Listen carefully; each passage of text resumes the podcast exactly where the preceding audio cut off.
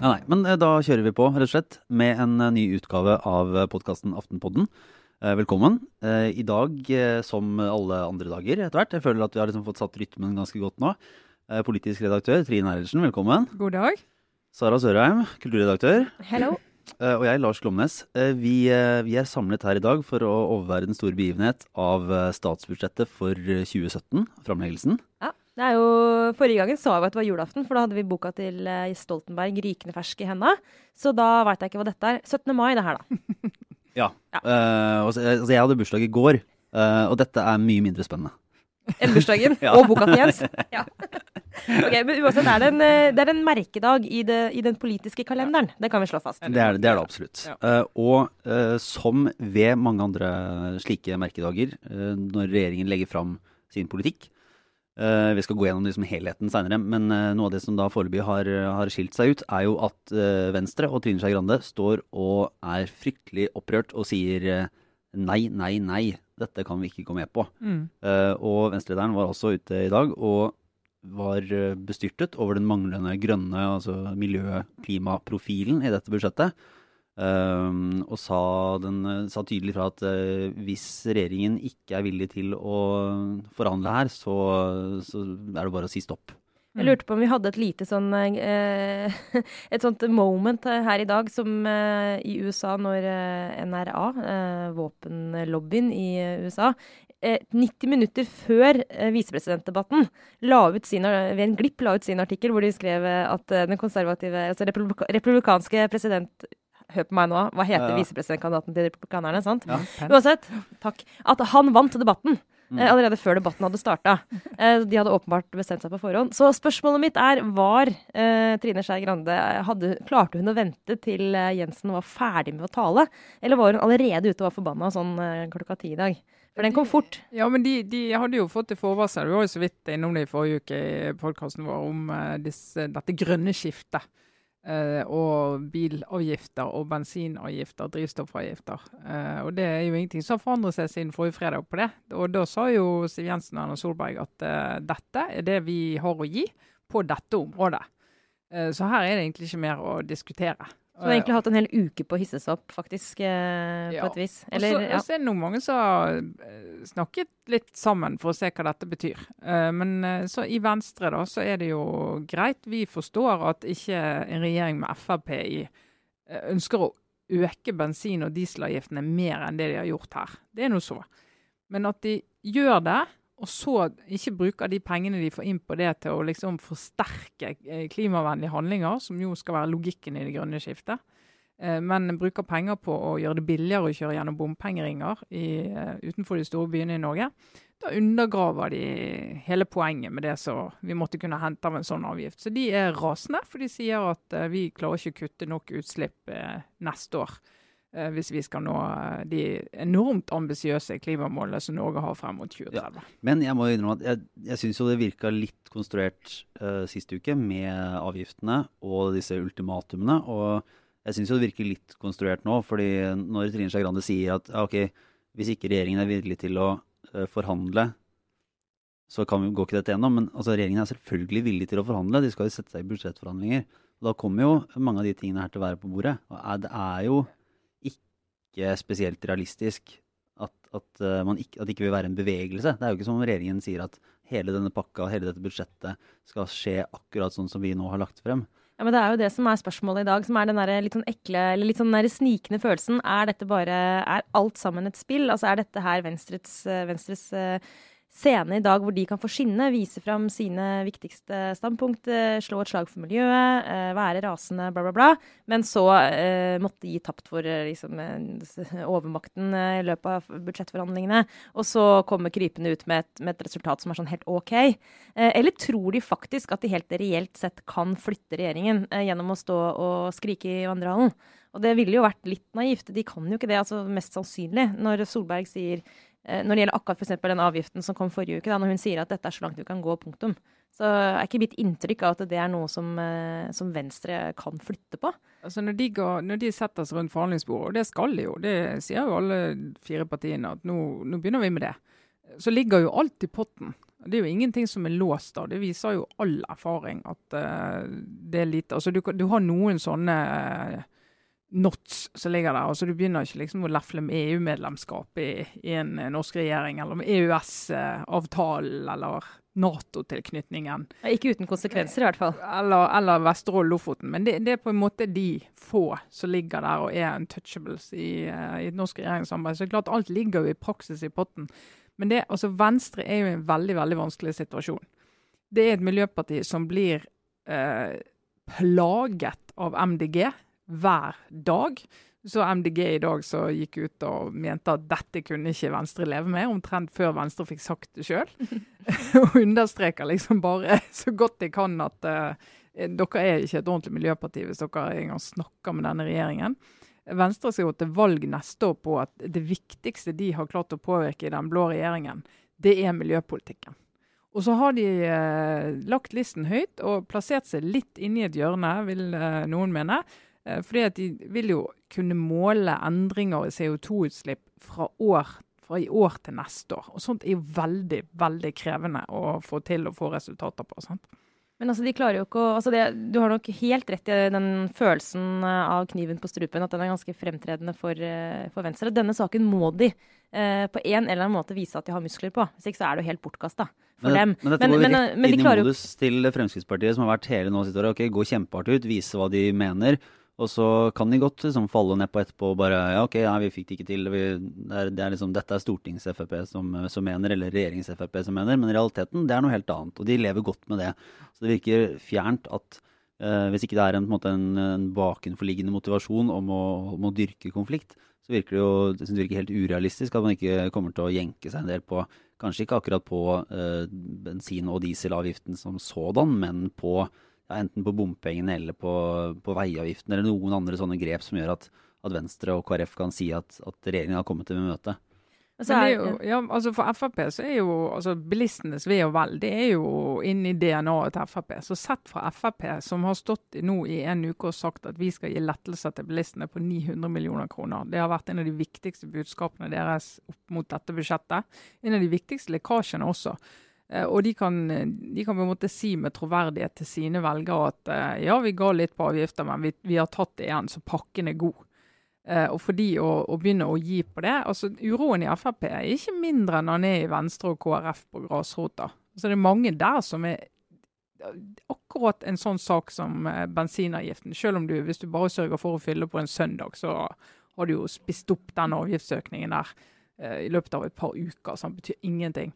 Er du en av de irriterende folka som husker på å dra til bensinstasjonen på en søndag og fylle bensin? For da Nei, sparer du penger? Jeg kjører alltid forbi en bensinstasjon på søndagen med full tank og tenker dette burde jeg ha tenkt på.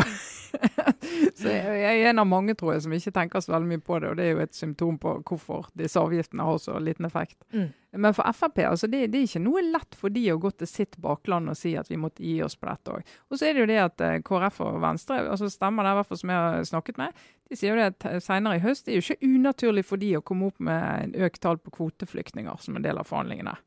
Altså Med situasjonen i Syria sånn som den er nå, så er det veldig naturlig egentlig å komme med det. Uh, og da sitter Frp på andre siden og sier ja, men hallo. sant? Altså, du, ja, det, vel... det, det, blir veldig satt på spissen, de der uh, sakene som ja, skiller mest. Særlig nå når det er uh, dette dette, selv om det selvfølgelig skal bli målt på hele perioden ved neste valg, så er det dette budsjettet egentlig som da er valgbudsjettet. Mm. Eh, når det braker løs med valgkamp igjen eh, neste sommer. Sånn at det blir vel ekstra viktig akkurat nå eh, denne høsten å få, å få noen seire. Men, men, hva betyr det? Betyr det at eh, regjeringskrise er mulig, liksom? Er det sånn regjeringskrise is coming? Eller er det bare litt tøffere forpostfektinger før de finner fram til en enighet? Dette er selvfølgelig å spå i, for fremtiden, det er litt vanskelig. men men Trine, du er blitt ganske god på det. jeg tør ikke spå, jeg. jeg Men altså, er det helt at det er reelt å snakke om det? Mulighet, det, er mulig, det er jo mulig at det blir det. Men altså, det jo, da må du med en gang snakke om hvem har interesse av at det blir det. Og hvor mye skal det koste, og, og hva er gevinsten på andre siden. Og hvis det blir det eh, og Vi så i boken til Jens Stoltenberg hvordan de tre partiene i den rød-grønne regjeringen diskuterte hvordan de kunne gagne de å gå inn i en valgkamp alene, uten de mm. andre. Uh, og Det er jo diskusjoner, uh, helt sikkert, i hvert fall noen av disse partiene som sier at hvis vi skal ha en sjanse altså KrF og Venstre ligger og bakser rundt sperregrensen og strever voldsomt på veldig mange målinger. Uh, hvis de skal måtte få litt fart inn i valget, så en veldig håpløs situasjon å være i. Det å forsvare vedtak du har vært med på som ikke er i kjernen av din politikk. Det er utrolig krevende. Så det går an å diskutere at det. Men samtidig, da går du til valg med et borgerlig alternativ som ikke er realistisk. Og da uh, kan du på en måte rulle ut løperen for uh, Jonas Gahr Støre. Men um, si, det, vært, det er jo da profileringa av et budsjett er jo viktig. og denne, jeg tror Nå har det vært med, å, vært med å dekke en del budsjetter, men dette året her har jo gått over måte, alle grenser hva gjelder altså lekkasjer og hvordan, hvordan ting slippes på forhånd. og eh, det, det trekkes jo stadig, opp en kommentar av um, Torbjørn Røe Isaksen fra for noen år siden, der han snakker om disse lekkasjene som en uting i forbindelse med budsjettprosesser. Uh, og Der tror jeg vel han bare har tatt den der, rekker hendene i været og bare Ja ja, det sa jeg, men drit i det. For nå er vi så godt i gang. Uh, vi telte jo opp Jeg har jo vært og jobbet da og måtte vært, uh, vært nyhetssjef i dag på, på, formiddagen og fulgt med på denne budsjettprosessen og også i dagene forut. Og vi telte jo opp Jeg tror det var omtrent 75 lekkasjer da, på en sånn liste, og den kunne jo vært oppi 100 hvis man ville dele opp på litt andre måter. Men, lekkasjer er jo eh, da ikke sant, at, eh, at eh, de forskjellige statsrådene slipper eh, nøye gjennomtenkt eh, informasjon fra sitt budsjett til utvalgte medier i ukene og dagene før, eh, før, den offisielle budsjettdatoen. Ja, og tidligere så har det jo vært Det er jo på en måte en, alltid en jakt på lekkasjer fra pressens side for å finne de tingene som, som regjeringa kanskje ikke har lyst til å, å prate om. Jeg vet ikke om de nå har valgt en strategi der de bare for å drukne det tinga de ikke har lyst til å snakke om, så bare slipper de nesten alt hele veien. Bare skyver på med sånne små en, eh, Typisk en sånn 20 millioner til det ene og, og 30 millioner til det andre og 5 millioner her til et eh, sånn helsetilbud som alle er for. Ja, og på kulturbudsjettet er du nede i sånne summer som 500 eh, 000 til samisk filmsenter f.eks. Altså du, du, er nede i veldig små summer, men som kan bety masse for de virksomhetene det gjelder. Men jeg tror du har rett i det, Lars, at hvis du bare liksom kaster ut nok sånne dollartegn eh, rundt deg, eh, og prøver å liksom blende folk litt med det, så håper du kanskje at ingen merker hvor du tok de fra.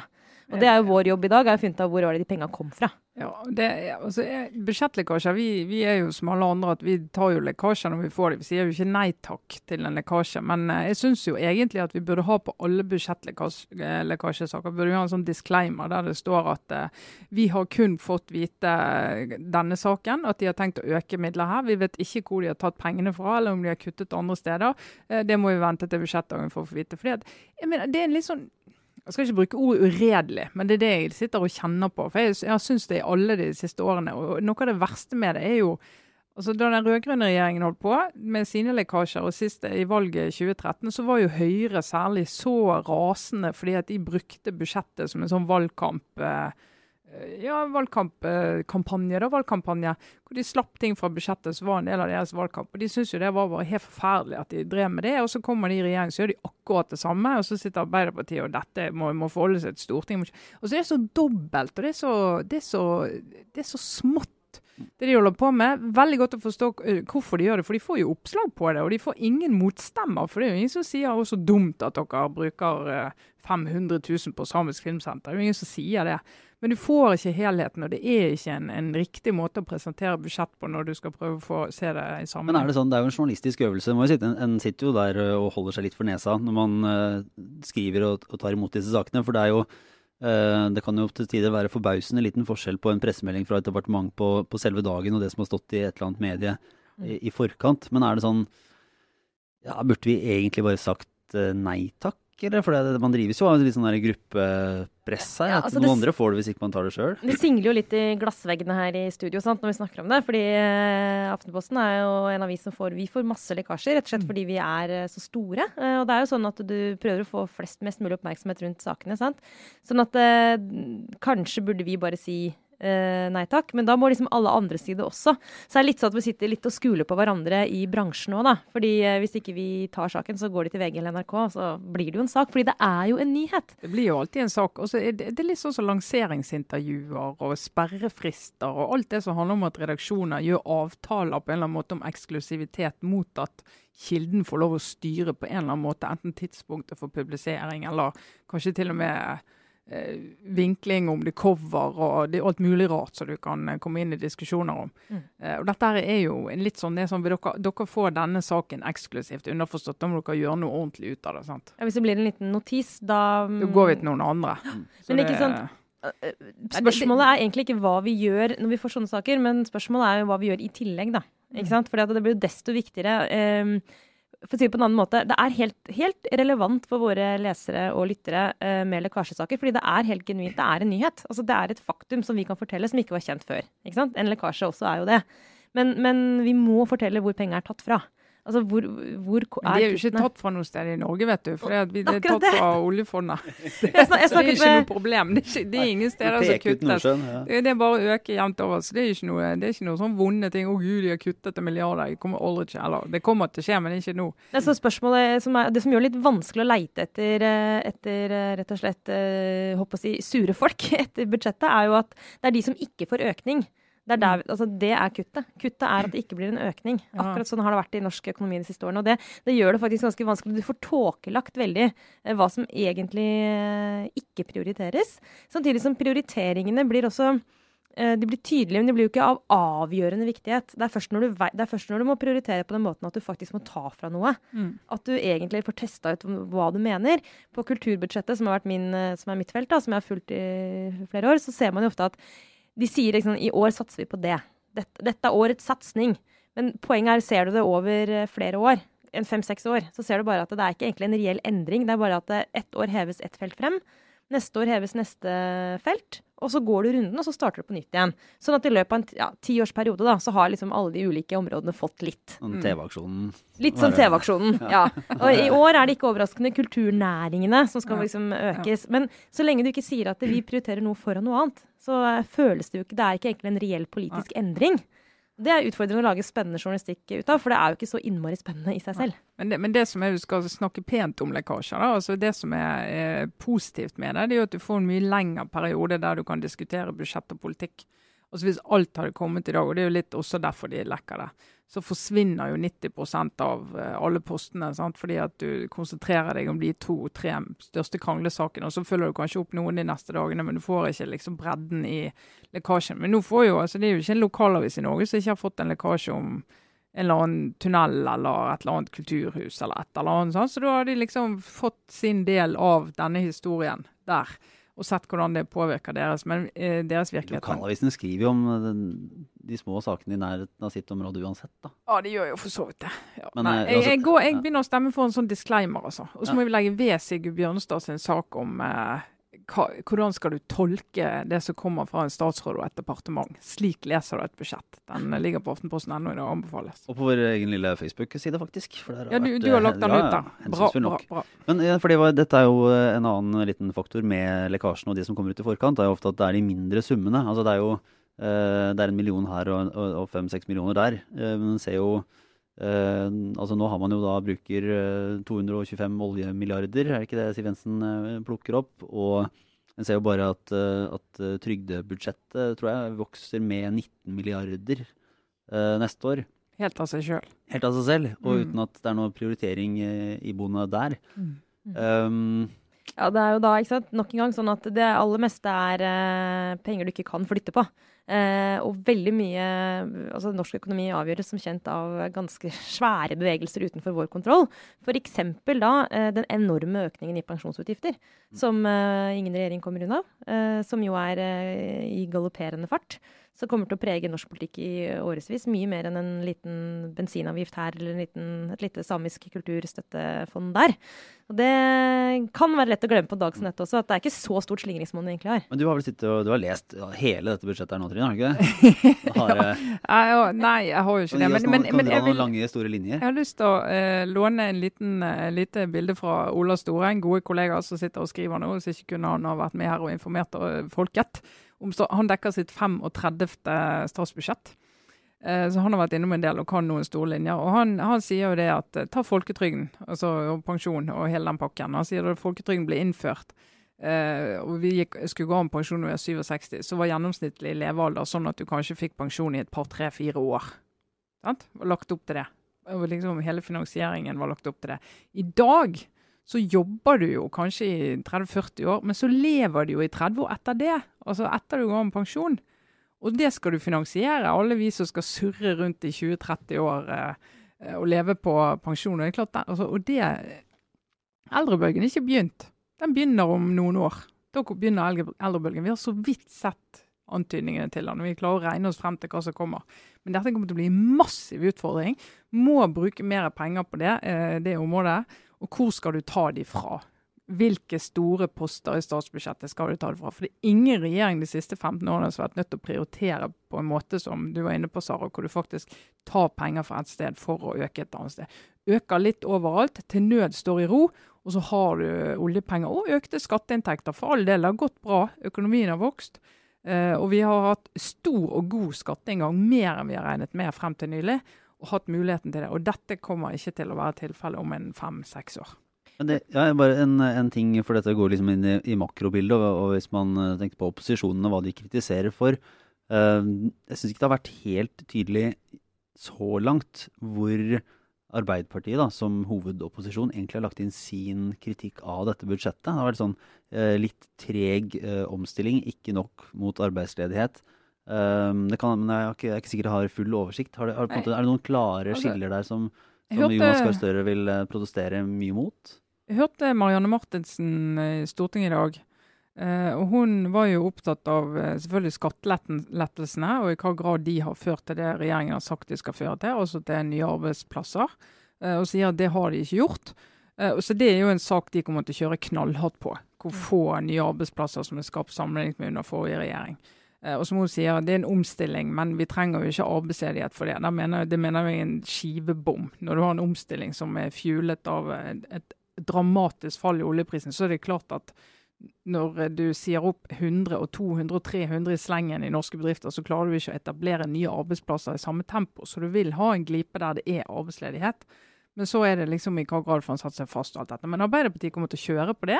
At arbeidsledigheten har vi. Han ble ikke utløst av regjeringen, ble utløst av oljeprisen. Men deres eh, dårlige politikk og dårlige virkemidler gjør at arbeidsledigheten varer lenger enn den burde ha gjort. da. Ja. Så det kommer de til å kjøre knaller på. Gjør den det, da? Hva er din dom?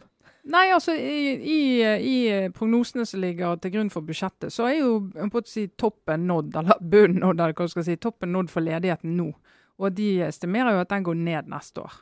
Men av regjeringens Det her er liksom hele tiden blir sittende liksom, for det er så fristende sånn journalistisk, da, så kan vi, vi kan på en måte hoppe inn i, i konfliktene. Fordi eh, her, det, det, kommer alltid Det kommer en hovedkritikk fra opposisjonen mot mm. budsjettet, så vi kan dekke den. Men noen ganger så bare tenker jeg sånn men vet du hva, Hvis man liksom skal helt bare løfte blikket fra konfliktene og si sånn OK, hva kan vi få til? Så er spørsmålet sånn Ville det utgjort en forskjell, eller kan vi gjøre en forskjell, som Støre ville sagt? I det hele tatt. Ville arbeidsledigheten vært annerledes med Arbeiderpartiet? Det kan, det kan godt hende at det hadde vært noen flere på et tiltak. Og, altså det kan godt hende.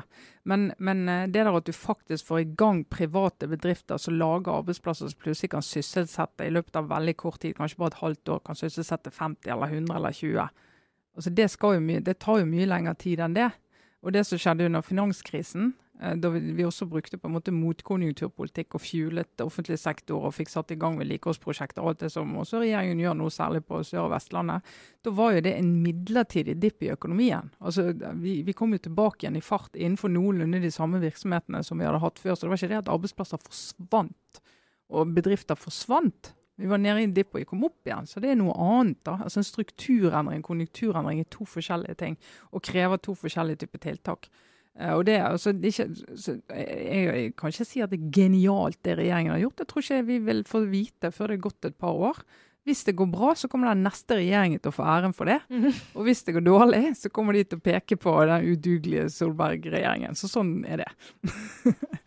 Ja. Inspirerende. Men mm. det som også er litt gøy, selvfølgelig, i og med at vi ikke har en flertallsregjering, er jo at uh, de ukene og månedene som kommer, så blir det en reell altså For det første blir det budsjettforhandlinger, det blir uh, dragkamper og konflikter i det offentlige.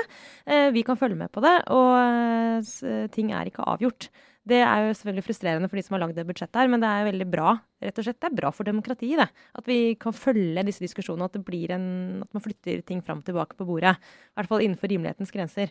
Så vi kommer til å liksom, Ja, og så er det jo igjen, apropos størresaker, I fjor eh, så flyttet de på vel 6 milliarder kroner av budsjettet. eh, sentrum og regjeringen når de satte seg ned og skulle bli enige om et budsjett.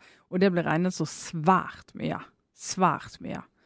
Eh, Men var det Det er bare, det er bare et, en, et, et slags apropos. Den, den, var det da telt sånn som eh, på de enkelt eller dobbelt? Det er en sånn klassisk eh, forskjell i norsk politikk når man skal regne på hvor mye som flyttes i et budsjett. Mm. Om man regner én eh, krone som flyttes fra ett budsjett til den andre, om det da er som to kroner, fordi den blir mindre på ett et punkt og mer på et annet. Ja, ja, i praksis er det jo det. Ja, ja det er det jo i praksis. For da sier de jo at vi flytter tilbake penger til bistandsbudsjettet sant? fra flyktningpakken og måtte hente de pengene fra et annet sted. Så de tar jo virkelig pluss av kroner de har flyttet. Ikke sånn, De har jo ikke økt rammen.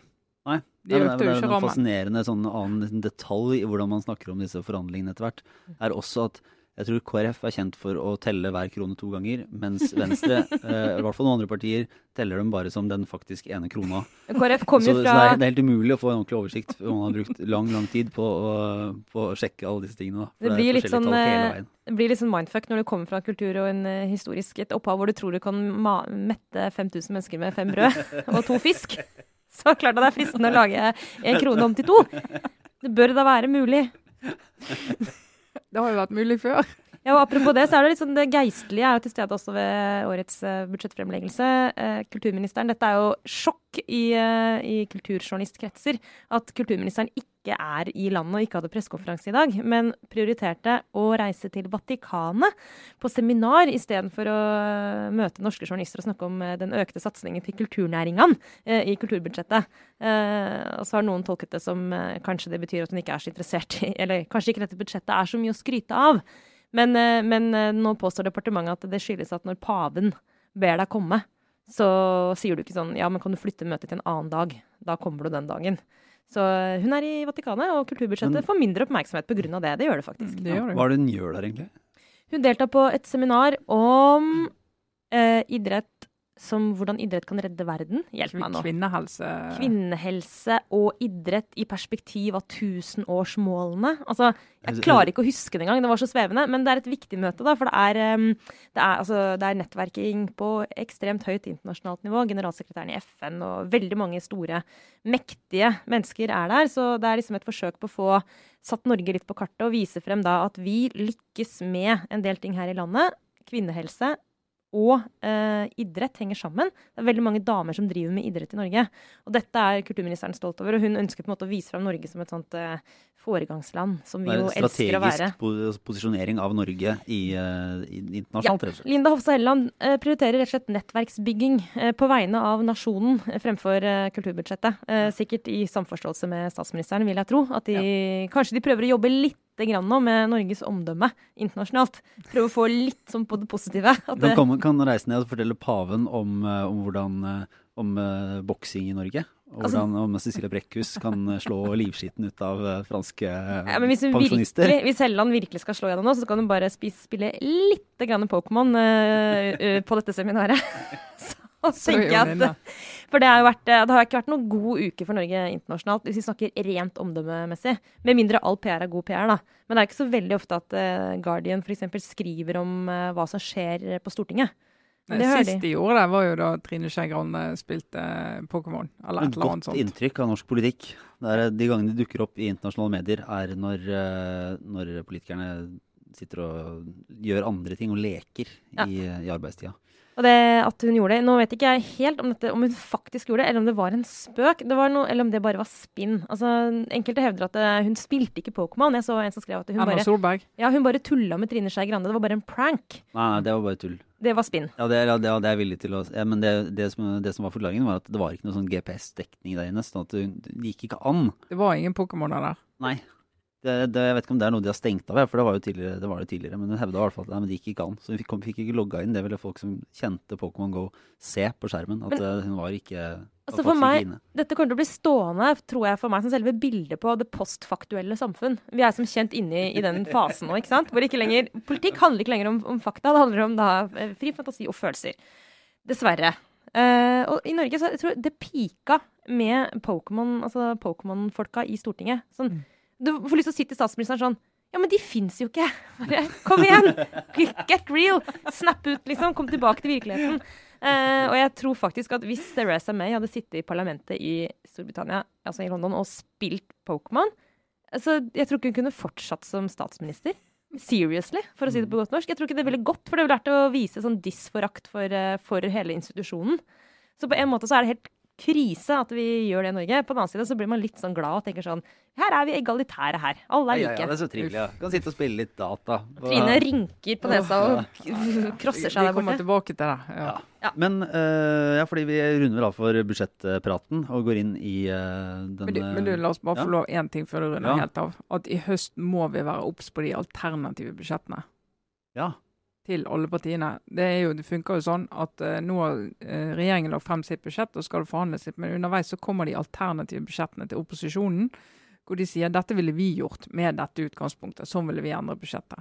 Noe av det vi skal være oppmerksom på, da, det er hva Arbeiderpartiet gjør på f.eks. drivstoffavgifter og hele denne bilpakken og grønne skiftet for å vise Venstre at, eh, som de sier hele tiden, dere kunne fått mer hos oss.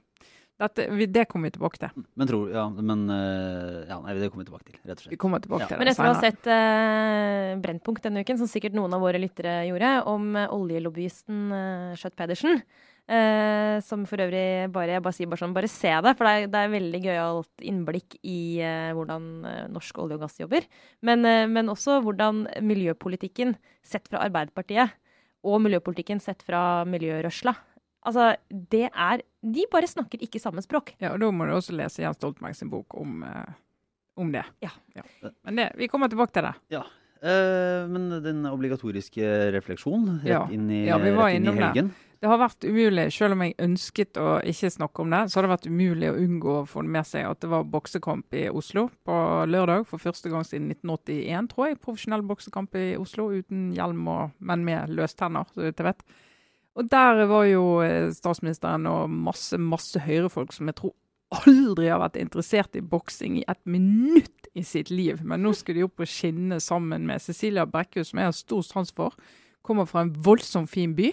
Veldig sympatisk dame. Du holder opp med de bergensgreiene nå, tror Ja, det må med. Det må med. Det er altfor sjelden nevnt. Og eh, som jeg, eh, som jeg Altså, jeg fikk jo Det var umulig å unngå disse bildene av statsministeren vår som står i denne ringen, og av alle arrangementer i hele Norge den helgen, og hun valgte å være der.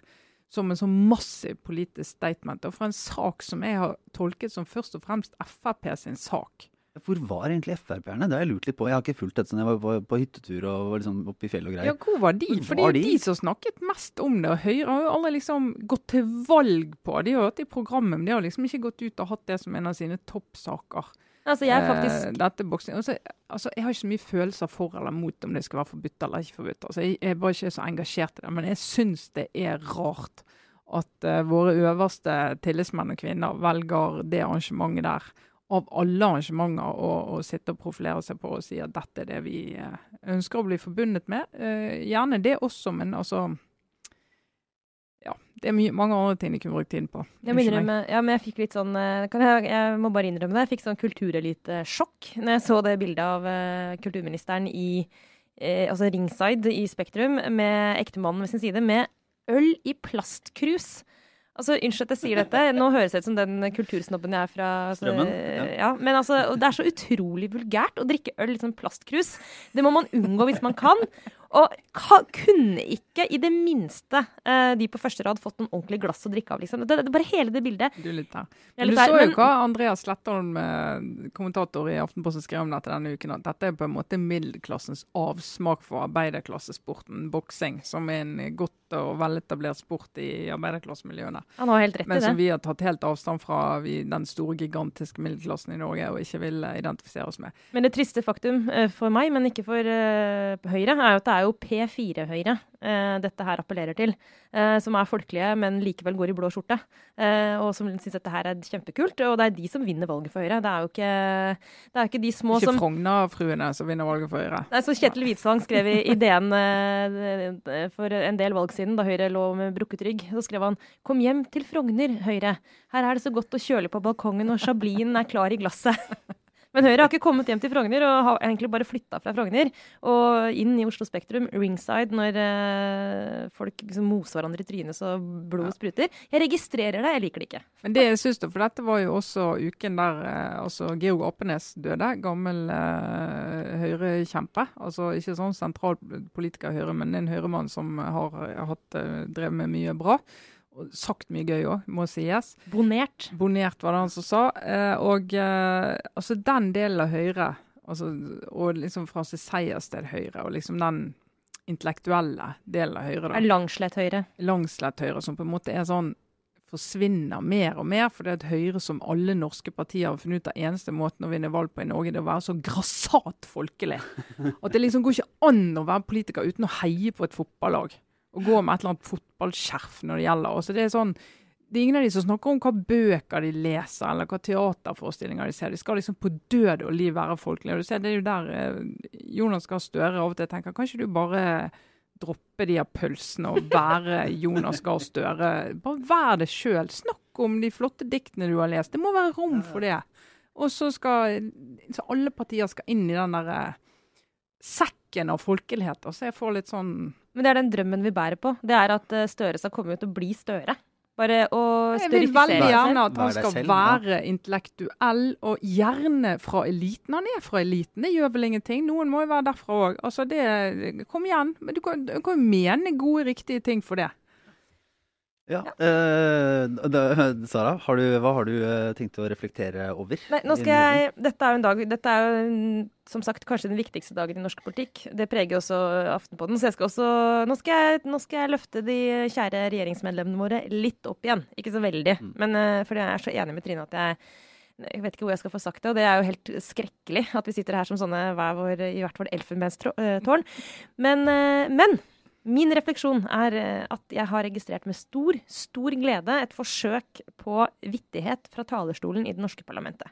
Som Aftenpodden-lytterne vet, så elsker jeg Storbritannia. Jeg elsker å bare liksom, høre vittigheter utvekslet mellom eh, medlemmer av parlamentet i UK. Det er kanskje noe av det jeg syns er gøyest i hele verden. Eh, Men denne uka så prøvde faktisk Erna Solberg å være morsom. Jeg vil si hun lykkes eh, 80% med det òg, så det var ikke så verst. Eh, som mange sikkert har sett, så så spøkte hun, apropos boksing, med at, eh, at det var ikke som vanlig Knut Arild Hareide som prøvde å være morsom først, og sa at eh, det var ingen som fryktet han i bokseringen. Hvorpå Erna repliserte at eh, hun ville aldri møtt han likevel, for hun er i en annen vektklasse. Det var litt morsomt. Eh, ikke så morsomt som landbruksministeren tydeligvis eh, syntes det var. Som holdt jeg på å syns det dette ut var av stolen. ordentlig vittig, det må jeg si. Også når da Trine Skei Grande kom og sa det at Erna, nå må du være bekymret for vektklassen. Det er jo vittig.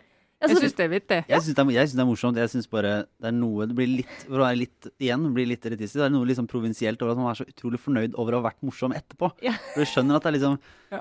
Rett etterpå så bare Det ringer liksom alle stortingsrepresentanter tvitrer, og alle liksom jubler litt over at eh, åh, i dag hadde Det du det gøy på jobben. Det er litt sånn, ja, sånn derre Kan Ja. ikke bare ha litt coolness på deg. Bare Ja. la det gå. Ikke, Ja. ikke liksom Ikke se deg rundt sånn Men som en så unge sjelden etter oppmerksomhet etter å ha fortalt en vits. Det er så sjelden ut. og Sist var det Lars Bonheim som sa 'hver mann sin høne' i en sånn eggediskusjon på Stortinget. og Det ble, ble jo stående i tre år, for det kom liksom ingenting. Så, sånn hver gang det kommer, så blir det jo stående så lenge. Så vi må, men vi må, det, vi må jo oppfordre til mer av det. Ja, altså jeg tenker sånn, Vi må være glad for det vi får. Og så, så, eh, så jeg sier bare takk. Og så kan jeg bare nevne at Teresa May i sin tale til eh, landsmøtet nå denne uken også eh, hadde en vittighet med Boris Johnson som var helt fantastisk morsom. Hvor hun bare ramset opp mange ting. Kan vi tro og håpe på dette?